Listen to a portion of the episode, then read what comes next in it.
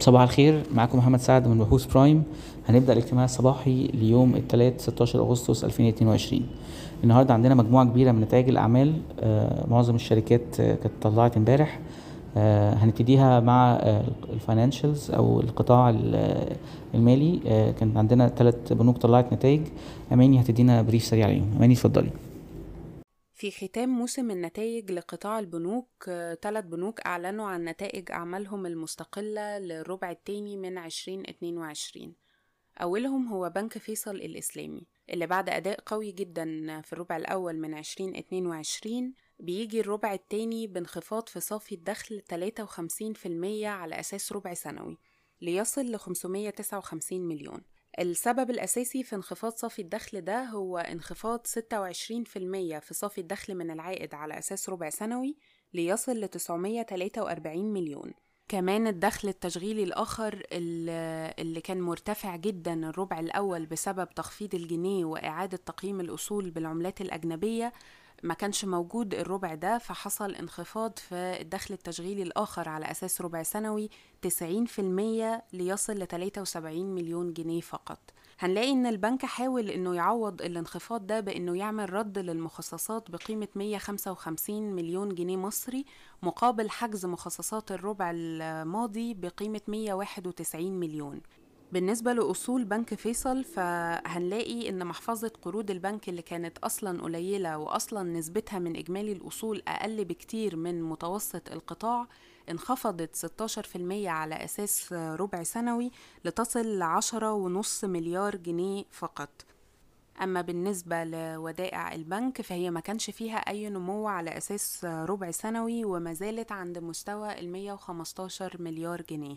بالنسبة للعائد على حقوق الملكية السنوي فهو طبعا انخفض بقوة ل 13% كمان هامش صافي الدخل من العائد للبنك انخفض ل 3.2% آه، البنك حاليا بيتداول على مضاعف ربحية بقيمة آه، اتنين وربع مرة ومضاعف قيمة دفترية عند فاصلة أربعة مرة.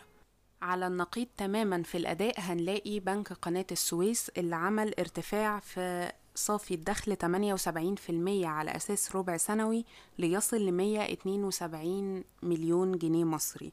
السبب الأساسي في الارتفاع ده هو ارتفاع آه، قوي في صافي الدخل من العائد 21% على أساس ربع سنوي ليصل ل 453 مليون.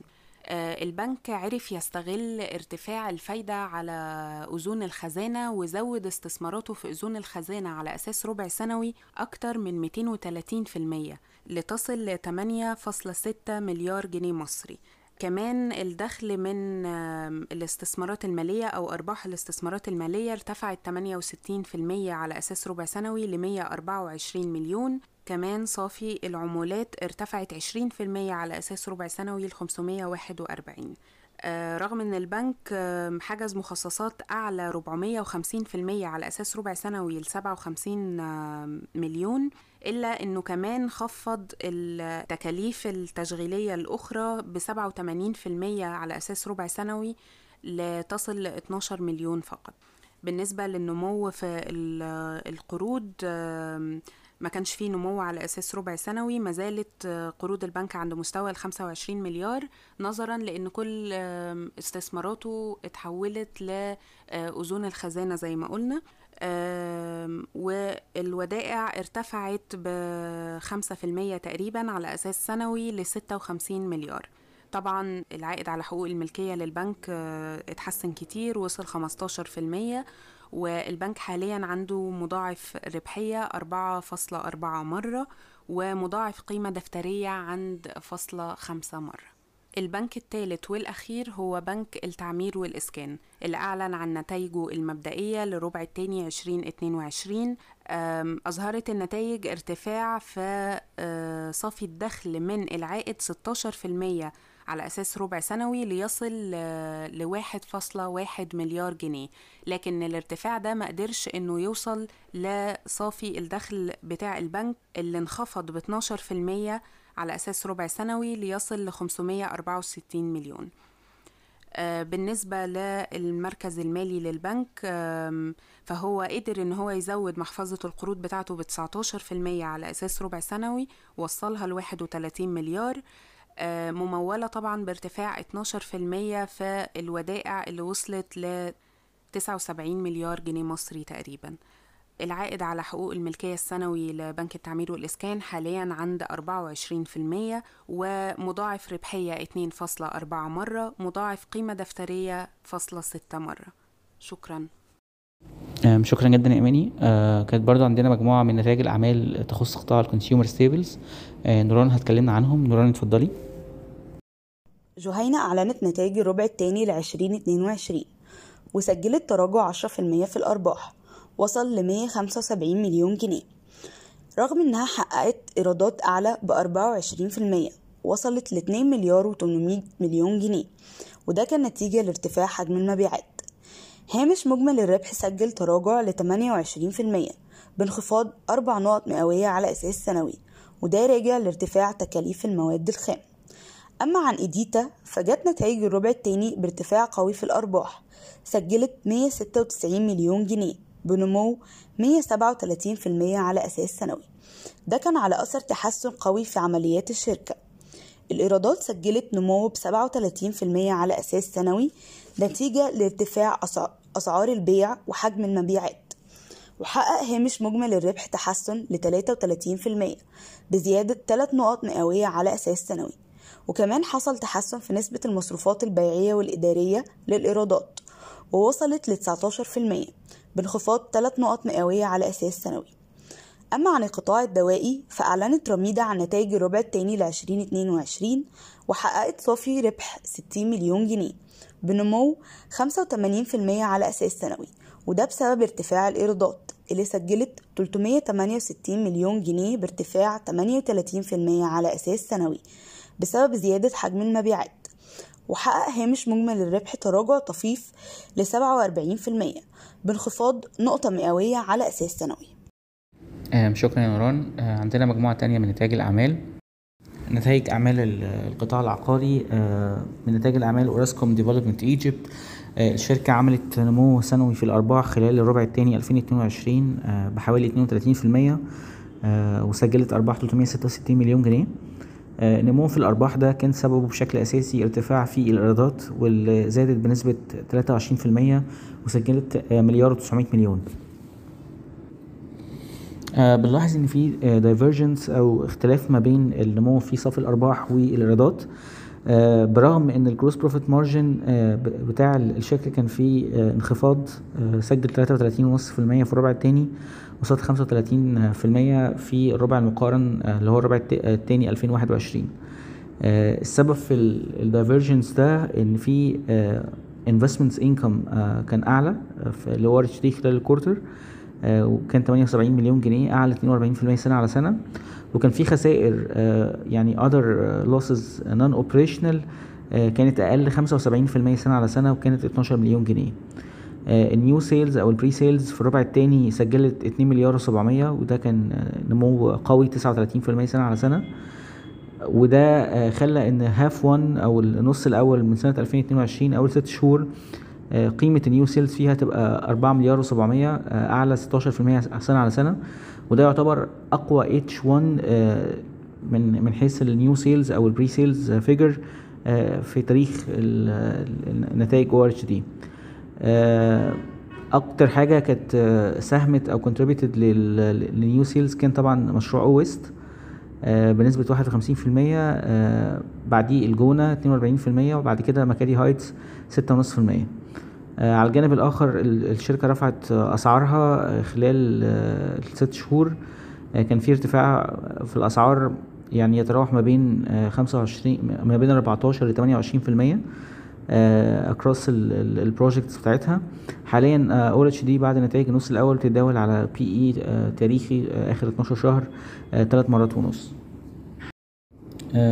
برضو مع- من نتائج أعمال القطاع العقاري كانت هليوبلس طلعت نتائج السنة المالية 2021-2022 كانت عاملة ربع آه، آه، رابع قوي جدا. آه، الأرباح في الربع الرابع كانت آه، زايدة بنسبة 290% سنة على سنة وسجلت 640 مليون جنيه.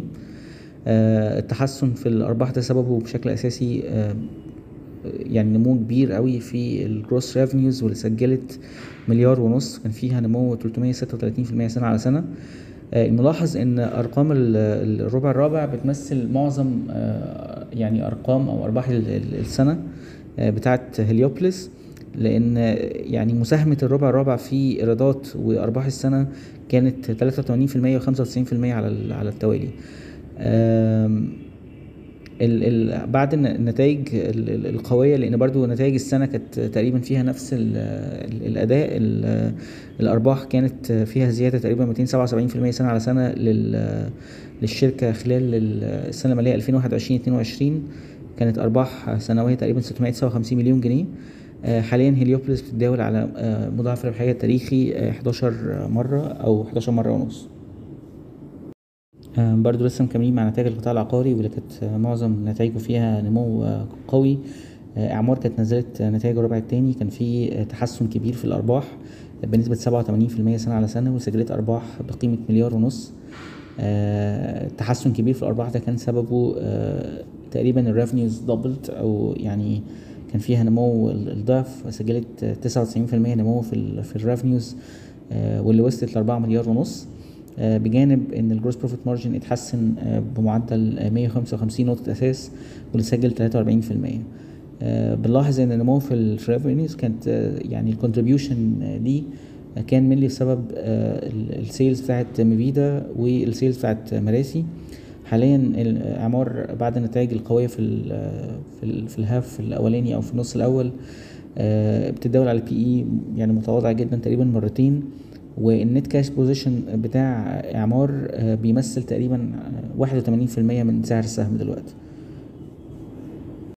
أم، برضو الشمس للإسكان كانت نزلت نتائج. آه، الشمس كانت عملت تحسن في صافي الأرباح آه، بنسبة 59% سنة على سنة وسجل 85 مليون جنيه. آه، التحسن ال- يعتبر قوي في الأرباح 59% سنة على سنة. سببه تحسن 31% في ال revenues وسجلت 174 مليون جنيه. آه، برغم إن ال gross profit margin بتاع الشركة ضعف تقريبا 11 نقطة مئوية وسجل آه، 76% آه، في آه، بنلاحظ إن في H1 2021 كان في آه، يعني expense ما كانش موجود في النص الأول 2022 آه، ليه دعوة آه، بتكاليف تمويلية ليها دعوة بقطع الشيكات. آه، واللي كان 37 مليون جنيه ده ما كانش موجود خلال H1 2022 أو أول ست شهور. آه، فبالتالي ده برضو ساهم ان النمو ال- بتاع الأرباح يظهر بالشكل ده. آه، حاليا الشمس للإسكان بتتداول على مضاعف ربحية تاريخي 15 مرة. عندنا نتائج رايا كونتاكت سنتر آه، واللي كانت سجلت آه، آه، أرباح في الربع الثاني 2022 آه، تقريبا 7 مليون جنيه. آه، ال quarter كان آه، يعني ما كانش قوي كان في انخفاض في الأرباح تقريبا 3% سنة على سنة. آه، برغم إن ال revenues كانت طالعة آه، سنويا آه، 49% آه، نسبة أو معدل نمو سنوي واللي سجلت 289 مليون جنيه. التباين ما بين في revenue growth والأرباح على الجانب الآخر كان فيها يعني يعتبر decline. آه، سببه آه، انخفاض في الجروس بروفيت مارجن واللي سجل 31.5% قصاد 33.5% في الربع المقارن. والتكاليف التمويلية بتاعت الشركة ارتفعت بجانب وده كان يعني العامل ال- المؤثر بشكل أكبر هو آه، ارتفاع في سعر الضريبة الفعلي بشكل كبير أو ال effective tax rate واللي سجل 43% خلال الربع الثاني 2022 مقابل 26% خلال الربع الثاني 2021 آه، بعد نتائج النص الأول آه، حاليا رايا كونتاكت سنتر بتتداول على مضاعف ربحية تاريخي عالي شوية تقريبا 22 مرة. لو جينا بصينا على قطاع ال consumer discretionary هنلاقي عندنا نتائج ام ام جروب واللي كانت آه، أصدرت نتائج الربع الثاني 2022 آه، النتائج ما كانتش أحسن حاجة. الشركة أرباحها نزلت في الربع الثاني 14% بسبب انخفاض 28% في ال revenues سجلت صافي ارباح 93 مليون جنيه وصافي إيرادات مليار و700 المليار 700 ده كان نزول سنوي 28% ونزول فصلي أو Q on Q بحوالي 13% آه، برغم إن النزول في ال revenues كان أكبر من ال يعني من ال expected بجانب إن- آه، إن هو أعلى من يعني الانخفاض في ال revenues كان بشكل أو بصورة أقوى من الانخفاض في الأرباح إلا إن ال gross profit margin بتاع الشركة اتحسن تقريبا 300 نقطه أساس وسجل 14% لو جينا بصينا على نتائج النص الأول ككل هنلاقي إن الشركة سجلت انخفاض في الأرباح بنسبة 40% آه، سجلت أرباح 146 مليون جنيه آه، برغم إن ال revenues كانت نزلت آه، 25% بس. والسبب في كده آه، هو آه، انخفاض في ال gross profit margin هنلاقي إن من أكتر ال segments اللي اتأثرت واللي أثرت في أداء ال revenues بالشكل ده هو ال segment بتاعت ال consumer electronics واللي خلال النص الأول نزلت بنسبة 12% سنة على سنة. آه، و segment ال- ال- ال telecom واللي نزلت بنسبة 15% سنة على سنة. حاليا MM Group بتتداول على آه، مضاعف ربحية تقريبا 12 مرة. آه، برضو من نتائج أعمال آه، ال sector كانت Oriental Weavers طلعت نتائج الربع الثاني كان في انخفاض في الأرباح بنسبة 29% آه، واللي سجل 211 مليون جنيه. برغم إن كان في نمو في ال revenues بنسبة 14% واللي سجلت 3 مليار و200 التباين ما بين أداء ال revenues وال bottom line سببه انخفاض كبير في ال gross profit margin واللي سجل 12% آه، مقارنة ب 18% خلال الربع المقارن. آه، ضعف ال gross profit margin سببه ارتفاع آه، تكاليف ال raw materials وبالأخص ال polypropylene لو جينا بصينا هنلاقي إن ال impact بتاع ال gross profit margin على الأرباح كان شوية يعني mitigated بارتفاع في ال export rebates واللي سجلت 74 مليون جنيه خلال الربع الثاني وقصاد 16 مليون جنيه خلال يعني الربع المقارن. حاليا آه، بعد نتائج النص الأول Oriental Weavers بتتداول على P/E مضاعف ربحيه تاريخي تقريبا خمس مرات. آه، من النتائج اللي كانت نزلت النهارده الصبح B Investments كانت آه، أصدرت نتائج الربع الثاني 2022 آه، سجلت انخفاض 37% آه، سنة على سنة في صافي الأرباح اللي سجلت 59 مليون جنيه. آه، بسبب انخفاض في الإيرادات بتاعت الشركة واللي انخفضت 51% سنة على سنة آه، سجلت 58 مليون جنيه. آه، النتائج بتاعت B Investments مش دايما بتكون مؤشر عن ال- القيمة بتاعتها لأن القيمة بتاعتها هي في ال stakes أو ال holding أو محفظة الاستثمارات بتاعتها آه، والتخارجات اللي ممكن يعني ت create آه، يعني capital gains ضخمة. حاليا B Investments تتداول على price book value مرة واحدة بس. آه، كان في خبر نازل النهارده إن آه، يعني المسؤولين آه، في السعودية وافقوا ل STC على استحواذها على يعني controlling stake في Giza Systems لو جينا بصينا على نتائج أعمال قطاع ال fintech هنلاقي e-finance كانت عاملة نتائج أعمال قوية جدا في الربع الثاني في ارتفاع في الأرباح بنسبة 105% آه، تقريبا ال- الأرباح doubled سنة على سنة. وعملت 279 مليون جنيه. ال revenues كان فيها نمو بنسبة 60% آه، تقريبا آه، وسجلت 703 مليون جنيه. آه، هنلاحظ إن في تحسن في ال margins بتاعت الشركة. ال EBITDA margin improved وسجل تقريبا 49% قصاد 43% السنة اللي فاتت خلال الربع المقارن. آه برضو من نتائج الأعمال فوري كانت نزلت نتائج الربع الثاني 2022 آه الشركة كانت عملت انخفاض آه قوي في الأرباح تقريبا 35% سنة على سنة. آه عملت أرباح 24 مليون جنيه.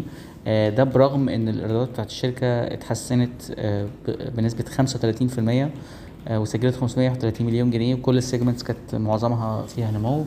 ال- المشكلة كان ارتفاع كبير في ال OPEX بنسبة 61% سنة على سنة. واللي سجلت 237 آه، 237 مليون جنيه. ده في النهاية pressured ال bottom line وخلاه يعني ينكمش بالشكل ده. دي كانت أهم أخبارنا النهارده. شكرا. صباح الخير.